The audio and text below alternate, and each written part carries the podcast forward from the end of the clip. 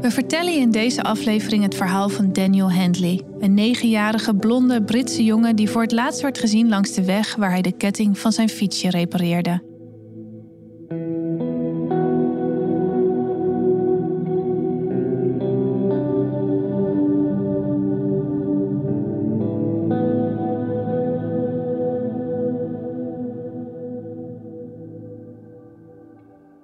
Je luistert naar onze podcast Ontvoerd. Ik ben Kevin van den Berg en zit hier samen met Maya Noordam. Zoals iedere week duiken we in een ontvoeringszaak die wereldwijd voor opschudding heeft gezorgd. Om een beeld te krijgen bij de ontvoeringen die we bespreken, kijk dan op Facebook of Instagram via Ontvoerd, de podcast. Onze waargebeurde ontvoeringsverhalen bevatten schokkende details over geweld, seksueel misbruik, claustrofobie en of mishandeling. Ben je jonger dan 18 jaar of gevoelig voor deze details? Dan adviseren we je om niet naar onze podcast te luisteren. Dit is Ontvoerd, aflevering 42 van de kaart. Daniel Handley wordt geboren op 27 april 1985 in het oosten van Londen, als vierde zoon van de uiteindelijk zes kinderen van Maxine en David Handley. Hij heeft blond haar en blauwe ogen en is tegen de tijd dat hij 9 jaar oud is zo'n 1,30 meter lang. Hij gaat naar de North Beckton Cross basisschool en is populair onder zijn leeftijdsgenoten. Na school speelt hij vaak op straat met vriendjes of rijdt hij rond op zijn zilveren BMX-fiets zonder zadel.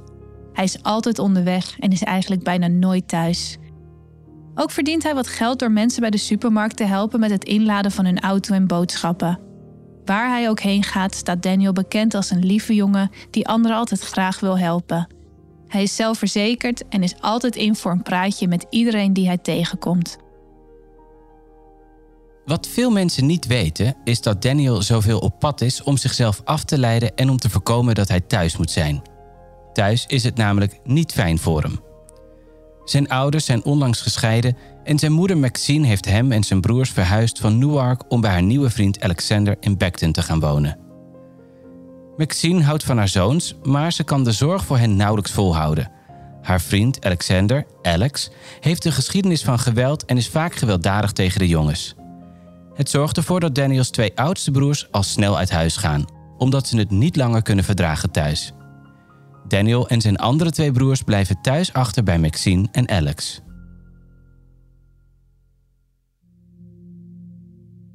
Het is 2 oktober 1994, een sombere zondagmiddag. Daniel is weer thuis nadat hij wat geld heeft verdiend bij de supermarkt en vraagt aan zijn moeder of hij bij zijn beste vriendje Ellen mag gaan spelen. Maxine gaat akkoord en zegt dat hij om 6 uur weer thuis moet zijn. Maar tegen die tijd is Daniel nergens te bekennen. Na een tijdje begint Maxine zich zorgen te maken en besluit om hem samen met haar vriend Alex te gaan zoeken. Ze beginnen bij het huis van Daniels beste vriend Ellen, waar Daniel naartoe zou gaan. Ellens moeder vertelt Maxine dat Daniel om half zes bij hen is vertrokken toen zijn broer langskwam om hem eraan te herinneren dat hij om zes uur thuis moest zijn. Dat komt overeen met het verhaal van Maxine's vriend Alex, die terwijl hij aan het wandelen was met een vriend, Daniel rond half zeven zijn fietsketting had zien repareren. Ook hij had Daniel eraan herinnerd snel naar huis te gaan, zodat zijn moeder zich geen zorgen zou maken. Volgens Alex had Daniel ingestemd en gezegd dat hij onmiddellijk naar huis zou gaan als hij zijn fiets had gemaakt. Maar daar kwam hij nooit aan. Het is inmiddels al tien uur s avonds en Daniel is nog altijd niet thuis. Zijn moeder weet direct dat er iets mis is en begint hem te zoeken. Ze gaat van deur tot deur, langs alle buren waarvan ze weet dat er kinderen wonen die wel eens met Daniel spelen. Maar Daniel is nergens en er is nog altijd geen teken van hem. Drie kwartier later besluit Maxine de politie te bellen om haar zoon als vermist op te geven. Rechercheur Ed Williams wordt op de zaak gezet en hij neemt contact op met BBC Crime Watch. Het misdaadprogramma maakt melding van de vermissing van Daniel in hun uitzending en vraagt iedereen met informatie over zijn verblijfplaats om hun hulplijn te bellen. Er is nog altijd veel mogelijk. Daniel kan weggelopen zijn, door iemand in bescherming zijn genomen of zijn ontvoerd. Ze vertellen dat Daniel op de dag van zijn verdwijning een rode overal droeg met het woord race op de linkerzak gestikt. Hieronder droeg hij een groene trui en bruine laarzen. Het is een opvallende outfit, dus iedereen heeft goede hoop op waardevolle aanwijzingen. De zorgen over zijn veiligheid nemen met het uur toe en daarom wordt er een grote zoekactie op touw gezet door de politie en buurtbewoners. Ze doorzoeken de straten waar Daniel vaak speelt. Een oude gaswerkplaats, pakhuizen, bosjes, parken en verlaten huizen. Zonder succes. De dagen verstrijken en daarmee neemt de kans dat Daniel nog leeft steeds verder af. De zoektocht wordt daarom uitgebreid naar plaatsen waar een lichaam verborgen kan zijn. Het is het grootste onderzoek tot nu toe naar een vermist kind in Londen. Met 200 agenten, politiehonden en helikopters die worden ingezet om grote stukken land en water in het East End gebied te bekijken. Voor de operatie onderzoeken drie vrijwilligersteams van eenheidsofficieren de onderwaterdokken, rivieroevers en meren. Allemaal zonder succes. Daniel is nog altijd spoorloos.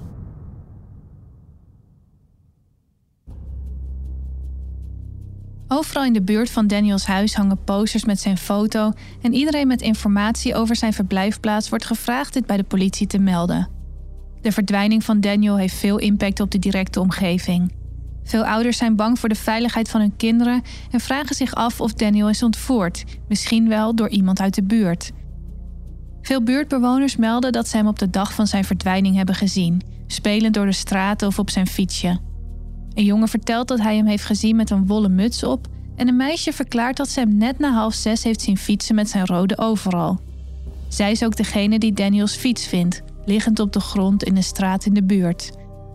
De vriend van Alex, moeder Maxine's partner, bevestigt het verhaal van Alex dat ze Daniel hebben gezien rond half zeven terwijl hij zijn ketting aan het repareren was. Ondanks de vele verklaringen komt de politie niet heel veel verder, aangezien er heel veel tegenstrijdige informatie wordt gegeven. Ook heeft niemand hem op het treinstation gezien, niemand heeft hem een lift gegeven en niemand heeft hem buiten de wijk gezien. De mogelijkheid dat Daniel is weggelopen lijkt heel erg klein geworden. Op 7 oktober, vijf dagen na de vermissing, doorzoekt de politie het huis van Daniel en ook het huis waar hij woonde voor de scheiding en de verhuizing. Hier vinden ze een wollen muts, waarvan de jongen eerder had gezegd dat hij Daniel ermee had gezien. Forensisch onderzoek in de tuin en het meer in een park vlakbij zijn huis leveren geen spoor op van zijn lichaam of aanwijzingen. Daniel lijkt in het niets te zijn opgegaan. Op 16 oktober werken de politie, BBC Crime Watch en enkele getuigen samen om een reconstructie te maken van de dag van Daniels verdwijning. Na de uitzending ontvangt de politie twee nieuwe, veelbelovende aanwijzingen. De eerste is van een buurvrouw die verklaart dat Maxine haar had verteld dat Daniel die avond van 2 oktober gewoon thuis was gekomen, terwijl Maxine natuurlijk beweerde dat Daniel niet was thuisgekomen die avond. De tweede aanwijzing komt van een Marokkaans echtpaar dat een vierdeurs Peugeot-auto geparkeerd had zien staan op Tollgate Road, niet ver van de kruising met Columbine Avenue, omstreeks half zeven op 2 oktober, de dag van Daniels verdwijning. Het stel verklaart dat ze destijds een jongen hadden gezien die aan de beschrijving van Daniel voldeed, terwijl hij sprak met de inzittende van de auto. De jongen droeg een rode overal en hing over zijn stuur terwijl hij sprak met de mannen. Een van hen hield een kaart vast bij de geopende achterdeur van de auto, terwijl de ander op de bestuurdersstoel zat. Het echtpaar had direct gevoeld dat er iets niet klopte aan dit scenario, mede omdat de auto aan de verkeerde kant van de weg geparkeerd stond, in de richting van het tegemoetkomende verkeer. Ze besloten daarom om om te draaien en terug te rijden. Toen de mannen het stel onderzoekend langs hen zagen rijden, bedankten ze de jongen snel en deze stapte weer op de fiets waarna de auto wegreed. Toen ze dit zagen, was het echtpaar gerustgesteld dat de jongen veilig was en vervolgde hun weg. Deze nieuwe informatie is echter in strijd met de tijdlijn die is opgebouwd met behulp van de verklaring van anderen. Hoe meer de politie de mogelijkheid onderzoekt dat Daniel iets is aangedaan door een bekende, hoe waarschijnlijker het lijkt. Met oog op het gewelddadige verleden van Alex, de vriend van Daniels moeder, besluit de politie verder onderzoek te doen naar Daniels gezinssituatie. Het blijkt dat Alex Daniels oudste broer Paul twee keer heeft aangevallen. De eerste keer was toen Paul van hem won tijdens een videogame, waarna Alex woedend was geworden, hem op de grond smeet en schopte. De tweede keer had hij hem gedreigd te vermoorden en probeerde hem te wurgen toen Maxine weigerde om hem zijn verlovingsring terug te geven tijdens een van hun vele ruzies. Wantrouwige buren hadden Alex ook al eens aangevallen omdat ze geloofden dat hij Daniel iets had aangedaan. Misschien heeft Alex Daniel opnieuw pijn gedaan en neemt Maxine hem in bescherming. Op 14 december worden Alex en Maxine gearresteerd op basis van het indirecte bewijs. Ze worden naar het politiebureau in Noord-Londen gebracht en uitgebreid ondervraagd over Daniels verdwijning. Ze houden allebei vol dat ze niet weten waar kleine Daniel is en Maxine verklaart dat ze haar vriend Alex niet in bescherming neemt. Vanwege het ontbreken van concreet en direct bewijs kan het stel niet worden aangeklaagd voor de verdwijning van Daniel. Alex wordt echter wel veroordeeld voor zijn geweldsuitbarstingen tegen de andere kinderen en vastgezet in de psychiatrische vleugel van de gevangenis van Pentonville. Ook Maxine wordt aangeklaagd voor soortgelijke misdrijven op grond van de kinderwet. Net toen de politie dacht dat ze dichter bij de waarheid kwam over wat er met Daniel is gebeurd, bevinden ze zich weer op een doodlopend spoor. Nu het uitgesloten lijkt dat Daniel is weggelopen en dat hem iets is aangedaan door zijn familie, lijkt er nog maar één optie te zijn. De politie moet hun grootste angst onder ogen zien en de mogelijkheid onderzoeken dat Daniel is ontvoerd door een pedofiel. Er wordt een onderzoek gestart naar de zedendelinquenten in het gebied waar Daniel voor het laatst is gezien. De politie gaat huis aan huis en klopt aan bij alle bekende zedendelinquenten uit de regio in hun database.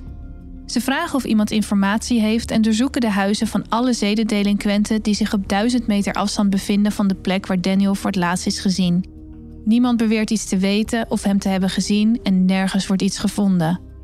Dan besluit de politie de straal van de huiszoekingen uit te breiden naar 2000 meter, maar ook hierna staan ze met lege handen. Met de informatie van het Marokkaanse echtpaar nog altijd in het achterhoofd, gaat de politie op zoek naar de twee mannen in de zilver-donkergrijze auto die langs Tollgate Road geparkeerd stond op 2 oktober. Ze ontvangen telefoontjes van mensen die de auto die avond hebben gezien, maar niemand heeft nuttige informatie over de inzittenden. Ondertussen heeft Community Action Trust een beloning van 5000 pond uitgeloofd voor informatie die leidt naar de mogelijke ontvoerders van Daniel Handley. Maar het blijft stil. Er zijn inmiddels twee maanden verstreken sinds Daniels verdwijning, maar de politie heeft nog altijd geen idee waar hij is. Er is geen lichaam gevonden, er is geen arrestatie verricht en alle aanwijzingen lopen op niets uit.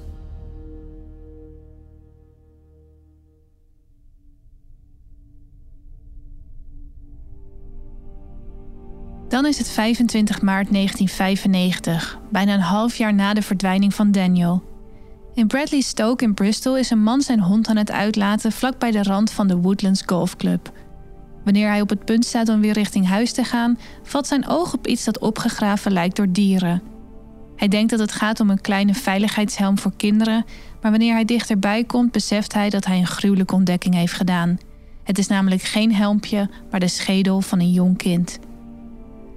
De man belt onmiddellijk de politie en doet melding van zijn vondst.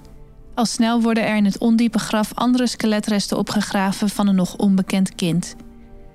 Hoewel het forensisch bewijsmateriaal erop wijst dat de stoffelijke resten er al wel twee jaar kunnen liggen en de vindplaats op ruim 2,5 uur rijden van Daniels woonplaats is, vragen agenten zich al snel af of het om Daniel gaat. Maar de overblijfselen zijn zo zwaar verwoest dat de forensische afdeling moeite heeft om DNA te verzamelen. Bijna drie weken later heeft de forensische afdeling echter een doorbraak.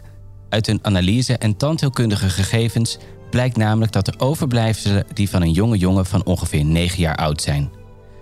Een vergelijking van gebitsgegevens levert een match op. Het gaat om het lichaam van de kleine Daniel Handley.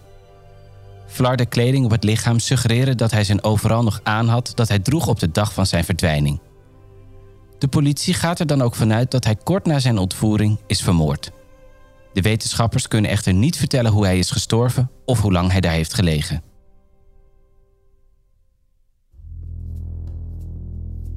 De vermissingszaak is een moordzaak geworden en de politie heeft geen tijd te verliezen. De moordenaar van Daniel moet zo snel mogelijk worden gepakt voordat hij een ander kind iets aan kan doen. Verschillende politieafdelingen bundelen de krachten op zoek naar de dader. Agenten gaan deur tot deur in de buurt waar Daniels lichaam is gevonden in de hoop dat er iemand iets heeft gezien of gehoord op de dag van zijn verdwijning. Het onderzoek richt zich daarnaast met name op pedofielen met kennis van de omgeving van Bristol, omdat de keuze van de begraafplaats van Daniel geen toeval lijkt, maar juist zeer zorgvuldig gekozen. Er komen honderden namen van pedofielen voorbij, maar een duidelijke verdachte blijft uit. Mogelijke verdachten waren niet in de buurt ten tijde van Daniels verdwijning, hebben geloofwaardige alibis of niets belastends om ze in verband te brengen met de moord. Dan meldt een dame zich bij de politie met informatie waarvan ze denkt dat het zou kunnen helpen. Ze zegt dat de rechercheurs zich eens moeten verdiepen in een aantal mannen die eerder al zes jonge jongens hebben misbruikt. Een van deze mannen, David Guthridge, heeft onlangs een bloemenwinkel geopend voor zijn geliefde Timothy Morse, met wie hij samenwoonde in Bradley Stoke in Bristol. Van Timothy Morse blijkt dat hij een voormalig taxichauffeur was die in een Peugeot reed terwijl hij werkte voor een taxibedrijf in Londen. Toen het lichaam van Daniel werd gevonden, sloot David Guthridge de winkel en Timothy Morse vertrok naar de Filipijnen. De namen van David en Timothy blijken al op de lijst van de politie te staan, net als die van hun gemeenschappelijke vriend Brad Tyler.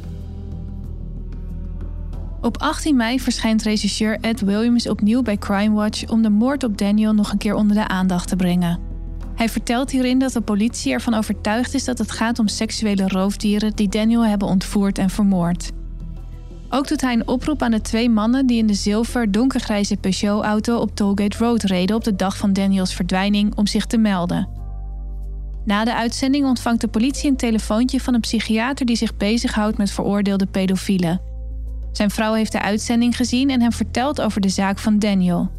Hij vertelt agenten dat hij misschien wel weet wie er verantwoordelijk is voor de moord. Want hoewel er therapeutisch gezien sprake is van een traditionele vertrouwelijke overeenkomst tussen arts en patiënten, is dat volgens deze psychiater niet het geval als het gaat om kindermoord of risico's op gevaarlijk gedrag. En in dit geval vindt hij dat hij de verantwoordelijkheid heeft om melding te maken.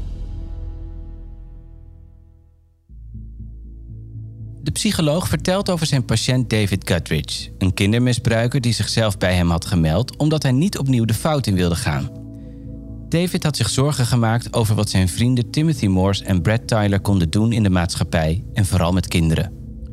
Morse zat destijds nog in de gevangenis wegens kindermisbruik en zou in 1989 worden vrijgelaten. In 1992, twee jaar voor de moord op Daniel, nam hij contact op met de psychiater en zei dat hij geïnteresseerd was in jonge jongens en bang was dat hij een kind zou misbruiken omdat zijn fantasie weigerde te verdwijnen. De mannen woonden in Bristol en gezien hun seksuele voorkeuren en fantasieën had de psychiater besloten om hiervan melding te maken met oog op de zaak van Daniel. Dezelfde dag komt er nog een telefoontje binnen. Dit keer van een gepensioneerde gevangenisbewaarder die werkzaam is geweest in de afdeling waar veroordeelde kindermisbruikers zitten. Hij vertelt dat hij hiervan een man kende die een seksuele fantasie had die heel erg leek op de omstandigheden rondom de verdwijning en moord op Daniel. De gevangenisbewaarder legt uit dat hij toezicht moest houden tijdens verplichte groepsessies in de gevangenis en dat de man waarvan hij melding maakt had beschreven dat het zijn levenslange fantasie was om een 9 of 10-jarige blonde jongen met blauwe ogen te vermoorden. Het komt zelden voor dat gevangenen zo gedetailleerd praten over voorgenomen misdaden, dus de bewaker had het verhaal altijd onthouden. De naam van de gevangene? Timothy Morse. Dezelfde man waarover de psychiater belde en de vrouw eerder al melding had gedaan. Volgens de man deelde Timothy Morse een cel met David Guthridge en kregen de twee een relatie met elkaar. Morse had zijn interesse in Guthridge echter verloren toen een nieuwe gevangene, Brad Tyler, in de vleugel introk. Met al deze informatie heeft de politie eindelijk een drietal verdachten: Timothy Morse, David Guthridge en Brad Tyler. Er wordt direct diepgaand onderzoek gedaan naar de mannen en de politie ontdekt dat Timothy Morse en David Guthridge een huis delen op een paar honderd meter van de vindplaats van Daniels lichaam. En direct nadat het lichaam van de jongen werd gevonden, had Morse inderdaad zijn bloemenwinkel gesloten. Het is tijd om in actie te komen en de mannen op te pakken voor ondervraging. Brad Tyler blijkt nog op de Filipijnen te zitten, maar David Guthridge en Timothy Morse zijn gewoon in Londen. Er worden op hetzelfde moment politieagenten naar verschillende panden gestuurd op zoek naar de verdachte. David Guthridge wordt als eerste gevonden in een van de appartementen en gearresteerd op verdenking van samenswering rondom de ontvoering en moord op Daniel Handley. Guthridge ontkent dat hij bij de misdaad betrokken is, maar hij vertelt wel dat hij ervan weet, de ontvoerders kent en hen heeft geholpen om te vluchten toen het lichaam werd gevonden.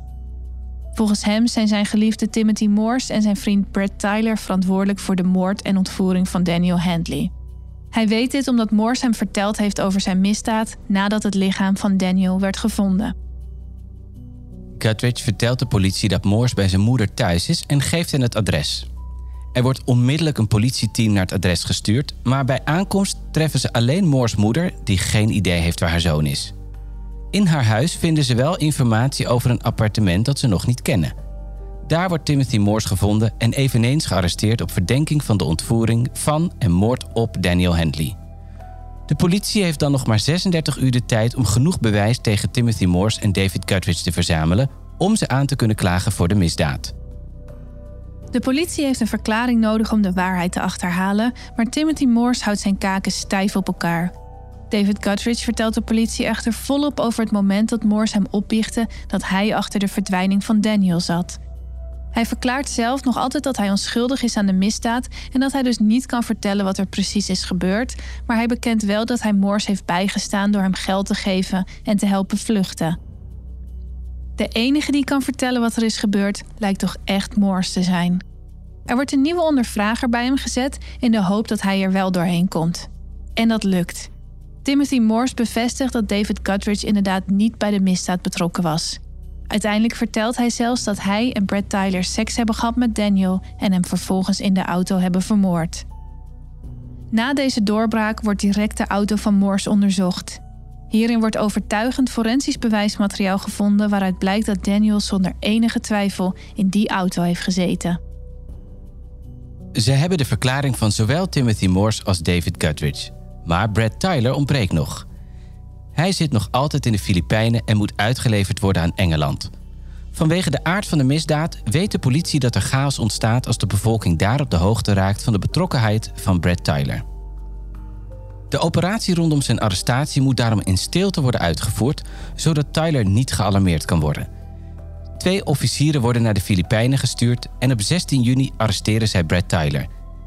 Tijdens een huiszoeking vinden ze een aantal kinderen en videobanden die later kinderporno blijken te bevatten. Wanneer Brad Tyler wordt ondervraagd, zegt hij: Sinds oktober zie ik zijn gezicht overal. Hij is toch dusdanig verrast door zijn arrestatie dat hij geen tijd heeft gehad om een verhaal of verdediging voor zichzelf te verzinnen. Hij heeft dan ook geen andere kans dan te vertellen wat er nu precies is gebeurd met Daniel Handley.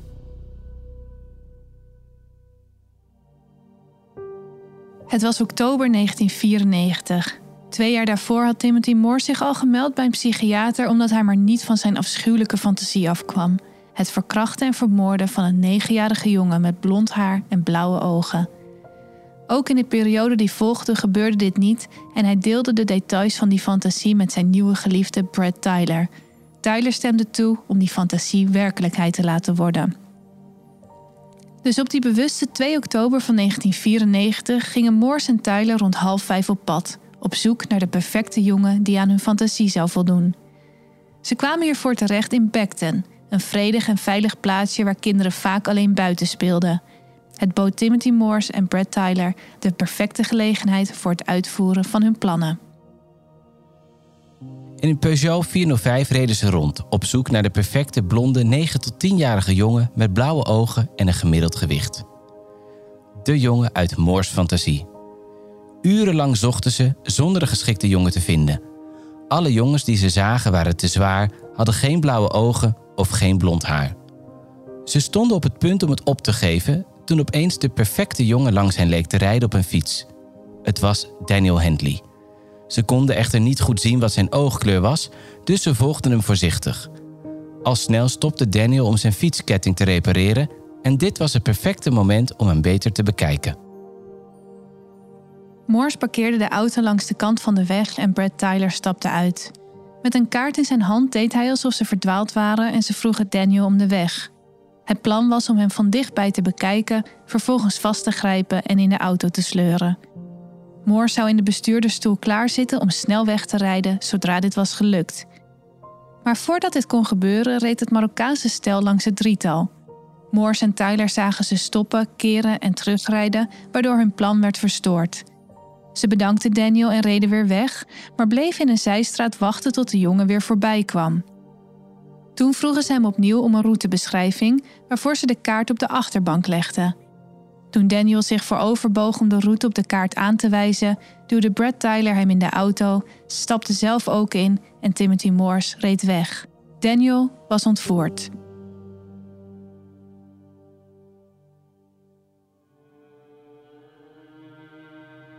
Ze reden door naar Moore's flat boven een kantoor in Londen. Daar verkrachten Moores en Tyler Daniel om de beurt terwijl de anderen het filmden. Toen ze tevreden waren, werden ze bang dat David Guthridge hen zou betrappen, dus besloten ze dat ze van de jongen af moesten.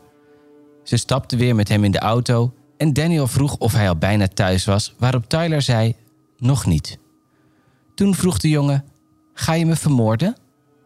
Tyler verzekerde hem dat hij dat niet ging doen, waarna ze stopten bij een parkeerplaats langs de snelweg. Daar verkrachten ze Daniel opnieuw, waarna Moors een touw pakte, hier een knoop in maakte en deze om Daniels nek bond. Moors probeerde vervolgens aan het touw te trekken, maar hij zei tegen Tyler dat hij het niet kon. Ook die zei dat hij het niet kon, maar Moors zei dat hij moest. Daarop begon Tyler aan het touw te trekken. Hij zei dat het hem speet tegen de jongen, maar Daniel Handley was al overleden. Na de moord reden ze naar een golfbaan in Bradley Stoke, dicht bij het huis van Timothy Morse in Bristol. Hier begroeven ze Daniels lichaam in een ondiep graf. Twee weken later keerden ze terug om het lichaam dieper te begraven.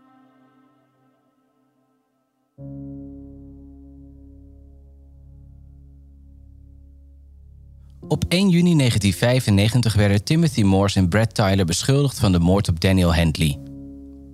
David Guthridge werd beschuldigd van medeplichtigheid en het ertoe aanzetten van een crimineel om te ontsnappen. Bijna een jaar later, op 16 mei 1996, ging het proces van start. Toen tijdens het proces de video werd getoond van de bekentenis van Brad Tyler, waarin hij de moord op de negenjarige Daniel Handley opnieuw beleeft, waren alle juryleden volledig van slag. Rechter Curtis moest zelf tijdens het proces een korte pauze inlassen nadat drie vrouwen en een man instortten. Waar Timothy Moore schuldig pleitte, trok Brad Tyler zijn verklaring in. Hij zei dat hij Daniel Handley niet samen met Moores had vermoord en pleitte alleen schuldig aan aanranding en ontvoering. Maar in minder dan een uur bevond de jury Brad Tyler schuldig op alle aanklachten. Hij en Timothy Morse werden allebei veroordeeld tot een levenslange gevangenisstraf met een dringend advies om de twee nooit meer vrij te laten. Brad Tyler werd ook schuldig bevonden aan seksueel misbruik van andere kinderen. In zijn schuilplaats op de Filipijnen werden twee jonge jongens en een doofstom vierjarig meisje aangetroffen. De kinderen waren door hem en een vriend vastgehouden en voortdurend seksueel misbruikt. Alles werd vastgelegd op video. David Cutridge werd veroordeeld tot 30 maanden gevangenisstraf voor het helpen van een moordenaar bij het vluchten en het verstoren van de rechtsgang. Timothy Morse diende een verzoek voor vervroegde vrijlating in bij het Hoge Rechtshof in Londen. Daniels jongere broer David lanceerde hierop een online petitie waarin hij zich hiertegen verzette. Hij zei: Dit doe ik voor mijn broer, zodat hij in vrede kan rusten. En voor alle andere moeders en vaders die deze situatie nooit mogen meemaken. Waarom zouden er twee moordenaars vrijgelaten moeten worden met het risico dat ze nog een kind pijn doen en andere families kwellen? Ik zal dit niet laten gebeuren en alles doen wat in mijn macht ligt om deze zaak te winnen. Timothy Morse en Brad Tyler zitten nog altijd opgesloten. Tot zover het verhaal over de ontvoering van Daniel Handley. Wil je een beeld krijgen bij Daniel, zijn familie en de veroordeelde Timothy Morse, Brad Tyler en David Guthridge? Volg ons dan op Facebook of Instagram via Ontvoert de podcast. Vanaf maandag geven we je daar ook beeldmateriaal bij deze zaak. Volgende week vertellen we je over de verdwijning van de twee Australische tieners Vanessa Canlon en Jessica Small, die na een avondje uit rond middernacht huiswaarts keerden, maar spoorloos verdwenen. Tot dan.